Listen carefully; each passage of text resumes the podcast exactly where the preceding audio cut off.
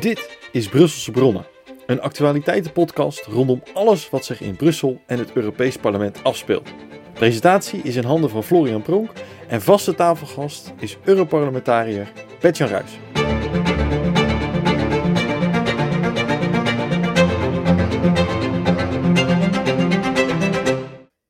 Het is net de jaarwisseling van 2021 naar 2022 en een mooi moment voor een terugblik en een vooruitblik. En bovendien, bijna op de dag af, is Bert-Jan vandaag op de helft van zijn vooralsnog eerste periode in het Europe Europees Parlement. Ehm, e-, dat betekent dat de eerste 2,5 jaar erop zitten en dan, nou ja, Bert-Jan heb je als het goed is nog een keer 2,5 jaar te gaan. Mhm. Dus eh, er is op dit moment natuurlijk geen beter moment voor een tussenbalans voor onze luisteraars. Nou, bij mij staan de oliebollen op tafel. Ik kan het bij jou niet zien, eh Bert-Jan, want we zitten op afstand. Maar eh, staan ze bij jou ook op tafel? Nee, ze staan hier niet op tafel eerlijk gezegd. Wel een glas water en een pot eh, met drop, maar dat is het dan eerlijk Oh, gezegd. oké, Ja, daar moet je het mee doen dan. Daar eh. moet ik het mee doen vanmiddag. Heb je wel genoeg oliebollen op eh, de afgelopen dagen? Ja, zeker wel. Ik, ik heb er eerlijk gezegd al een klein beetje genoeg van. Kijk, de eerste dag, zeker op oudejaarsavond, zijn ze heerlijk natuurlijk. Ja. Nieuwjaarsdag worden ze al een beetje minder. En nou ja, naarmate de tijd voorschrijdt, dan heb je er een klein beetje genoeg van. Hè? Dan wil je eigenlijk weer een beetje terug naar het oude normaal. Hè? Ja, want ik zag dat jij ze zelf zelf bakte, toch? Ja, ik bak ze Ja. zelf. Je Zeker. had, ja. je had niet het verkeerde meel van Koopmans. Nee, nee, nee. Nee, Nee, nee, nee, nee, nee, want ik had het goede meel. En, een een recept van een opa van me, die is vroeger bakker geweest. Kijk. Dus dat is een recept wat eh, de hele de familie doorgaat. En, eh, Dat blijft geheim. Dat is een, eh, dat, ja, dat blijft geheim. En, eh, maar ze smaken, ze smaakten heerlijk. Kijk, fantastisch. Eh, Want eh, om te beginnen, Bert-Jan, eh, wat, wat is het meest opgevallen in de eerste 2,5 jaar? Wat is mij meest opgevallen? Ja, het eerste wat, wat dan bij mij boven komt drijven is eh, de enorme bemoeizucht van het Europees Parlement. En dan doel ik met name op de bemoeizucht van het parlement met thema's als, eh, als abortus, eh, medisch-ethische kwesties. Dat is toch wel anders geworden, merk ik wel. Als ik kijk naar eh 25 jaar geleden, toen ik dus werkzaam was voor Leen van der Waal als medewerker ook in het Europees Parlement. Ja.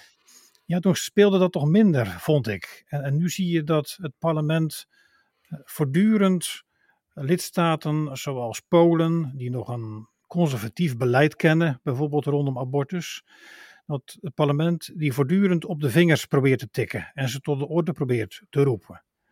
Dat is wel iets wat me erg opvalt. En daarmee zie je dus als het ware een, een, een- een hele seculiere agenda om je heen ehm, die men probeert op te leggen aan verschillende landen in Europa, maar zelfs in landen daarbuiten. Ja, me- merk je daar een, verandering eh, qua agenda? Wordt dat, eh, wordt dat sterker? Eh, of, of, nou ja, zie, zag je dat tijdens je, hè, tijdens de, de, je werk voor Lee van der Waal, zag je dat toen ook al? Toen zag je dat ook al wel een beetje opkomen, maar ik vind dat het inderdaad nu veel sterker geworden is. Hm. Er gaat bijna geen plenaire vergadering voorbij. En je, we hebben ieder jaar, iedere maand hebben we een plenaire vergadering. hè. Er gaat bijna geen plenaire vergadering voorbij, of er staat wel een medisch-ethisch onderwerp op de agenda. Hm. Eh, en dan vooral als het gaat over abortus, dat is een onderwerp wat, wat zeer prominent op de agenda staat. Eh, En heel veel landen in Europa kennen natuurlijk al een vrij liberale abortuswetgeving. Er zijn een aantal landen zoals Malta en, en, en eh, Polen die nog vrij stringente wetgeving kennen. Ja. En die worden eigenlijk steeds meer gedwongen om daarvan Ja. af te stappen. Precies, en om het, zeg maar, het, het- het- de seculiere agenda te volgen van, eh, van, van de, zeg maar, de seculiere meerderheid in, in Europa. Oké, ja. Want eh, is je mening daar, over de EU daarin veranderd? Nou, mijn, ik was altijd al kritisch op Europa eh, en dat ben ik eigenlijk nog steeds. Ehm, en dat zit hem eigenlijk in meerdere eh, aspecten. Kijk, wat ik, wat ik zie is heel veel eh, machtshonger. Een, een enorme ehm, neiging eh, en een ja, bepaalde neiging om zoveel mogelijk zaken naar Brussel toe te willen halen. Ja. Zaken moeten zoveel mogelijk Europees eh, geregeld worden. Terwijl Europa, in mijn beleving, de EU juist een dienstbare rol zou moeten spelen, dienstbaar aan de lidstaten. En Europa zou zich vooral moeten beperken tot een aantal kerntaken, een aantal dingen goed regelen. Maar je ziet nu te veel bemoeienis van de EU met zaken waar de, de EU zich helemaal niet mee zou moeten bemoeien. Bijvoorbeeld op het vlak van sociaal beleid, uh, belastingen, uh, gezondheidszorg, et cetera. Ja, nou zijn dat natuurlijk nog punten waar mensen zoiets zeggen, nou ja, het maakt me niet zo heel veel uit wie het regelt. Uh, zijn er ook nog nou ja, bepaalde agendapunten waarvan je zegt, ja, dat, dat vind ik wel echt heel zorgelijk dat daar nu Europees bepaalde uitspraken over worden gedaan. Nou ja, vooral die punten die ik als eerste noemde, hè, dat, uh, dat de EU landen probeert te dwingen om uh, abortuswetgeving vrij te geven. Ja. Uh, dat, dat vind ik een heel zorgelijke ontwikkeling. Uh, ook de bemoeienis van de EU met gezondheidsbeleid vind ik een hele zorgelijke ontwikkeling. Je, je ziet nu dat de commissie de pandemie als het ware ook gebruikt om meer bevoegdheden naar zich toe te trekken op het vlak van de gezondheidszorg. En daarin zelfs zo ver gaat dat ze een discussie gaat opstarten uh, richting de lidstaten om na te gaan denken over bijvoorbeeld zoiets als een vaccinatieplicht. Ja. Dat vind ik ook een hele zorgelijke ontwikkeling. Van der Leyen is, heeft onlangs die, die discussie gestart. Uh, A, gaat de, de EU daar helemaal niet over? En B, dit grijpt natuurlijk wel heel diep in, in, in, in de grondrechten. En in het uh, belangrijke principe dat uh, mensen, zeker als het gaat over dit soort zaken, toch vooral een gewetensvolle keuze zouden moeten kunnen maken. Ja. ja, zie je dat corona er nu ook voor zorgt dat er veel meer bevoegdheid bij de Europese Unie terechtkomt?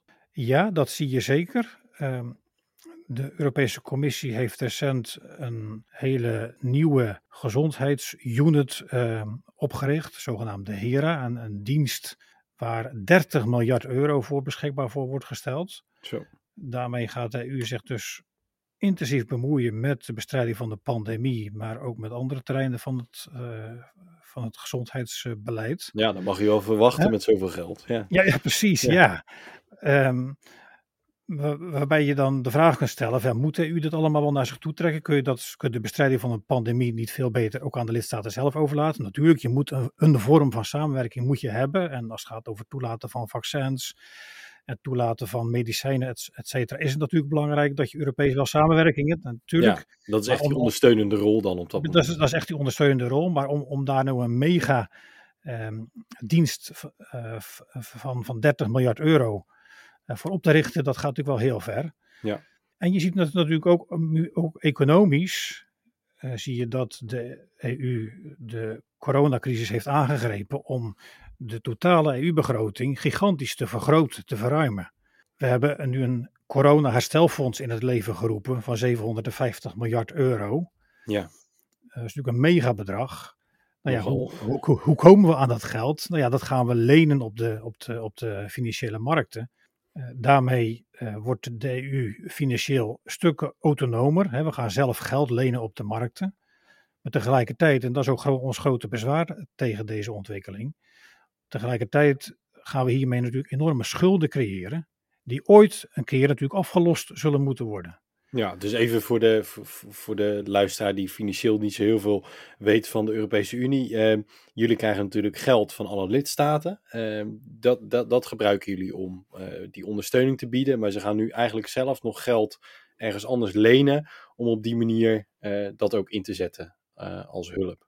Precies, precies. Uh, tot voor kort was het zo dat de EU-begroting helemaal werd uh, zeg maar, gefinancierd door nou ja, donaties van de lidstaten en nog wat aanvullende heffingen zoals douaneheffingen. Gewoon jaarlijkse afdrachten. Maar daarnaast, en dat is inderdaad het nieuwe wat we nu gaan doen, we gaan massaal schulden creëren door te gaan lenen. En die leningen krijgen een, een hele lange looptijd, ik meen tot 2058. Zo. Uh, dus dat betekent dat we die schulden, die gaan we vooruitschuiven en die gaan we overdragen aan de nieuwe generatie. En die uh, mogen die schulden dan allemaal gaan aflossen. Ja, bedankt. Bedankt, ja. ja. ja. Dus dat, dat vind ik wel zorgelijke ontwikkelingen. Ja, dat kan ik me voorstellen. Ja, want, dus er, worden, er worden hier wat dat, wat dat betreft soms best nou ja, onbedachte besluiten genomen, vind ik. Waar we dan later als het ware de zure druiven van gaan plukken. Ja. ja want dit is er een voorbeeld van.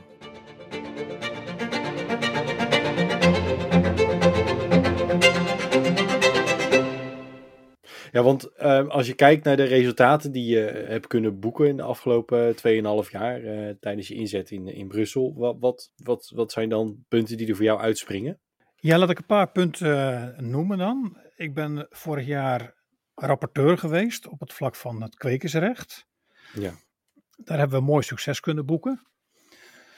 Uh, want als rapporteur ben je zeg maar um, hoofdonderhandelaar op een bepaald onderwerp. Oké. Okay. En dat was ik dus nu op het vlak van het kwekersrecht voor de bloembollen, de asperges en um, uh, fruitgewassen, houtachtige fruitgewassen, zo moet ik het zeggen. Kijk, dus dat zijn echt Hollandse producten. dat zijn echt Hollandse producten, precies. Ja. En wat we bereikt hebben, is uh, dat het kwekersrecht, dat gaat van 25 jaar naar, naar 30 jaar. En dat is voor onze uh, veredelingsbedrijven is het gewoon heel belangrijk dat die verlenging er komt. Want dat betekent dat hun producten langer zijn beschermd en dat ze, ze langere tijd hebben om de investeringen die ze moeten doen, om die terug te verdienen. Kijk. Dus dat is een mooi, heel concreet resultaat geweest dat we hebben kunnen bereiken voor onze Nederlandse land- en tuinbouw. Ja. Daarnaast ben ik natuurlijk vorig jaar onderhandelaar geweest op het vlak van het gemeenschappelijke landbouwbeleid. Ik was de enige Nederlandse onderhandelaar uh, op dit dossier. Daar hebben we denk ik ook best mooie resultaten kunnen behalen. Uh, we hebben gezorgd voor meer steun voor jonge boeren. En we hebben denk ik ook uh, de scherpe kantjes wat van al te ambitieuze doelstellingen kunnen afhalen. Kijk. Ja. En we hebben denk ik kunnen zorgen voor nou ja, voorschriften waar de boer in de praktijk ook echt mee, mee uit de voeten kan. Dus dat zijn wat, wat, wat punten. Ja, meer op een ander, op een ander vlak. Um, wat denk ik aardig om, is om te noemen, dat is het feit dat we natuurlijk verzet hebben aangetekend tegen camera's in het Europees Parlement. Die bij de ingang stonden van het Europees Parlement. Dat waren camera's van Chinese makelij. Ja, klopt. Ja, om, ja. Uh, om de lichaamswarmte te meten, geloof ik. Hè? Ja, precies. precies. Ja. En daar hebben we echt een punt van gemaakt. Um, omdat uh, het betreffende bedrijf ook uh, nou ja, duidelijke banden heeft in China en ook betrokken is bij, bij de werkkampen en bij het onderdrukken van Oeigoeren. Ja. Dus mede op ons aandringen um, heeft het presidium besloten om die camera's te verwijderen. En daarmee hebben we toch een heel duidelijk statement afgegeven, ook als Europees Parlement, dat we mensenrechten schendingen in de wereld, en nu dus concreet in China, gewoon heel serieus nemen. Ja, nou, dat is een mooi, uh, dat is een mooi punt. Mm -hmm. En uh, op het gebied van, uh, van corona heb je daar ook nog iets kunnen, kunnen doen, omdat het natuurlijk best wel speelde de afgelopen periode? Ja, op het pluk van, van corona heb ik me um, stevig verzet tegen de invoering van de coronapas. Um, ik heb van meet af aan gezegd, dit moeten wij niet doen.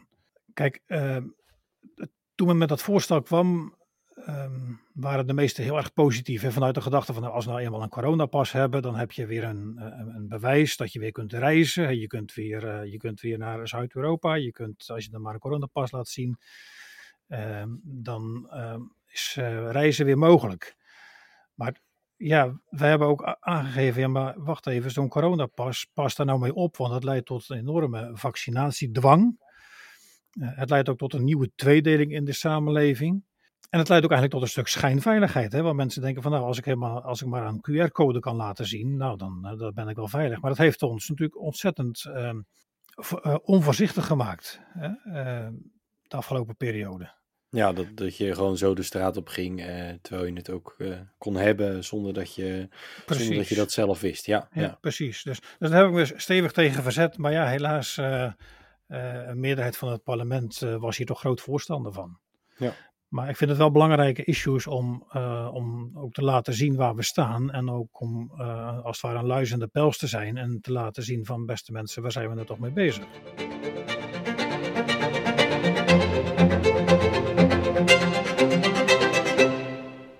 Want uh, Bert-Jan, uh, dat, dat waren dan de afgelopen 2,5 jaar waarin je veel dingen hebt kunnen doen. Uh, als we dan kijken naar de komende 2,5 jaar, het is ook een uh, moment om mooi vooruit te blikken. Wat, wat, wat, zou je daarin nog graag willen zien gebeuren?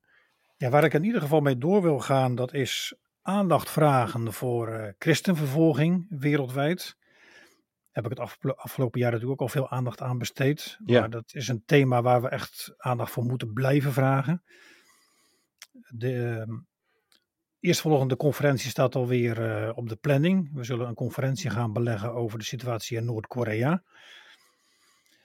Ja, in dit verband hopen we natuurlijk ook van harte dat die post van EU-gezant ook snel ehm, vervuld gaat worden. Ja, want daar, daar, heeft iemand gezeten, alleen die was vrij snel weer weg, hè? Daar heeft iemand gezeten, die is vier maanden in functie geweest en die is daarna vertrokken. Die is minister geworden.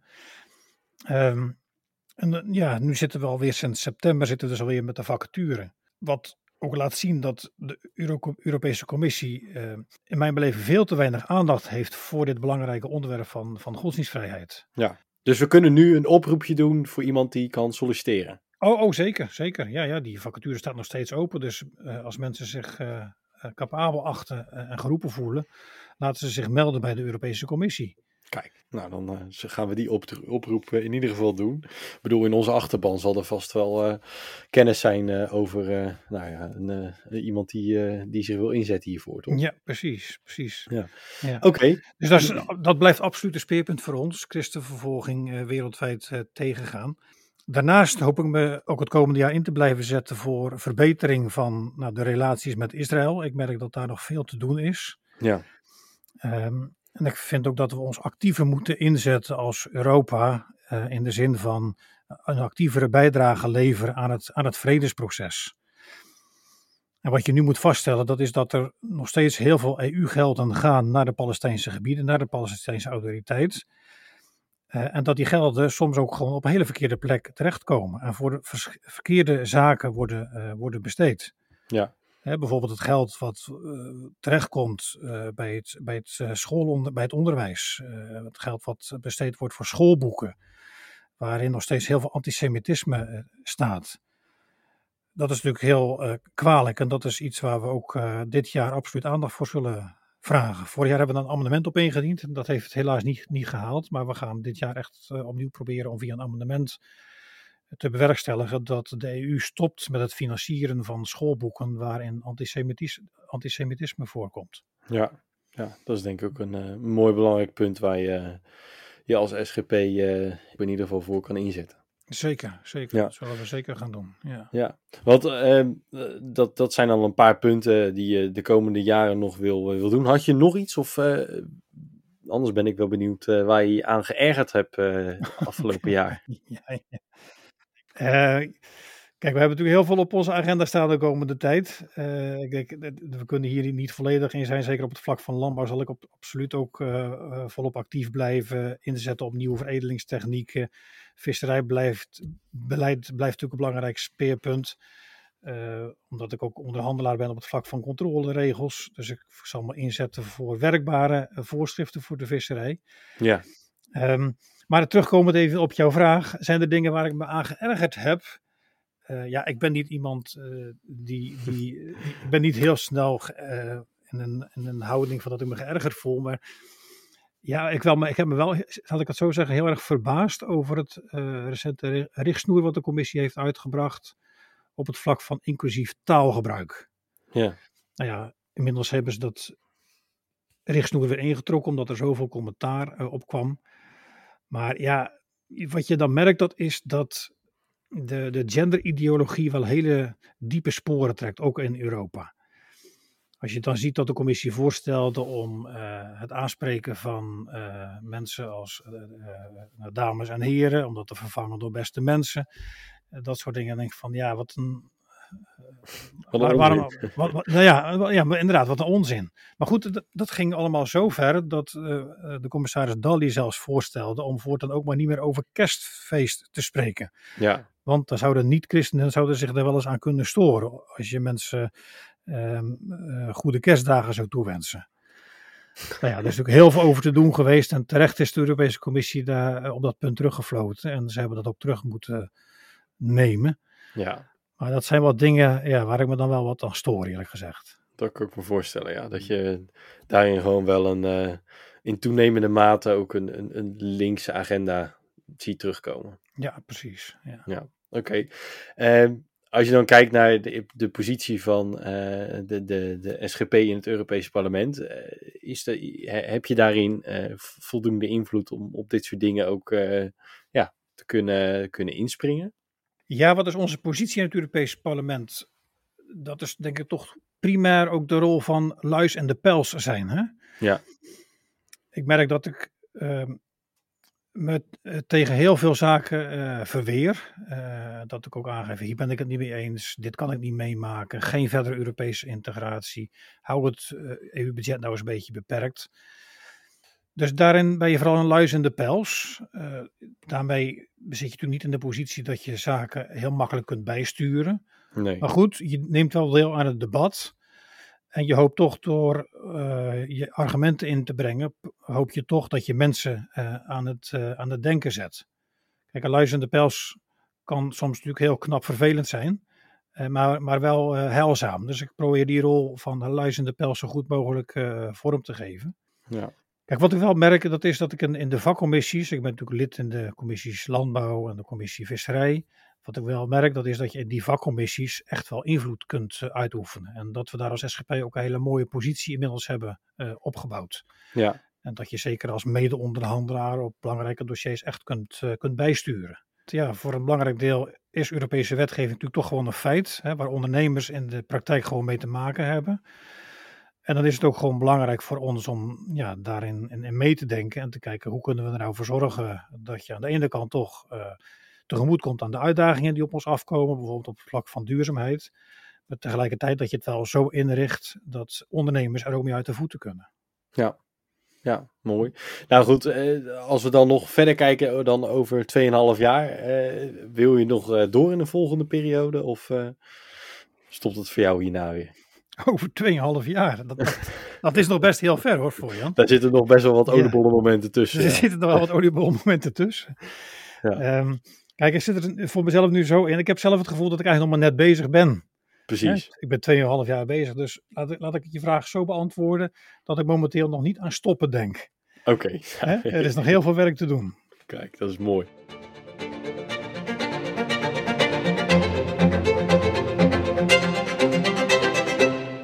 Ik vind het een mooie traditie die we ook zeker dit jaar uh, gaan voortzetten. Uh, om af te sluiten met een, uh, een, een Bijbelvers. En ja, normaal doet onze gast dat natuurlijk. Maar dit keer wil ik het aan jou vragen. Heb je een, een Bijbelvers waar je dit jaar mee wil starten en deze podcast mee wil afsluiten? Ja, um, dan zou ik graag een tekst uit Johannes 16 willen lezen. Johannes 16, vers 33. Ehm, daar staat. Deze dingen heb ik tot u gesproken, opdat gij in mij vrede hebt, opdat gij in mij vrede hebt. In de wereld zult gij verdrukking hebben, maar het goede moed, ik heb de wereld overwonnen. Kijk, als je om je, om je heen kijkt, hè, dan kun je natuurlijk gaan somberen. Dan kun je zeggen van ja, als christenen zitten we in de hoek, uh, worden steeds meer gemarginaliseerd. En zeker als je natuurlijk kijkt uh, naar de christenvervolging wereldwijd, ja, dan kun je daar natuurlijk best somber van over worden.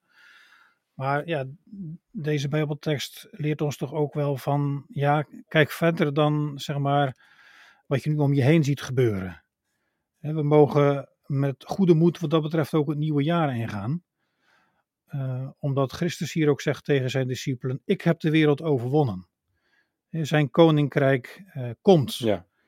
En de machthebbers eh, en de verdrukkers in deze wereld hebben niet het laatste woord. En als we ons dat uh, bewust zijn, ja, dan geeft dat ook enorme houvast. Ja. Ik denk ook voor het komende jaar. Nou, dat is mooi om die, uh, om die mee te nemen. In ieder geval het komende jaar in. Ik, uh, Bert-Jan, in ieder geval hartelijk dank voor dit inkijkje in je bezigheden en voor dit tussenrapport.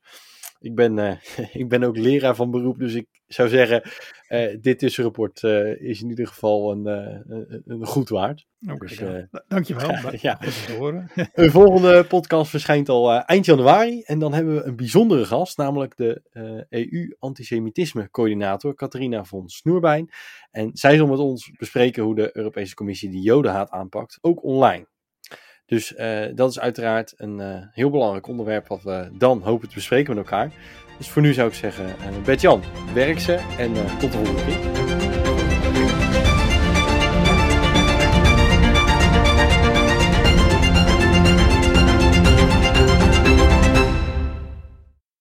Deze podcast wordt gefinancierd door de ECR Groep.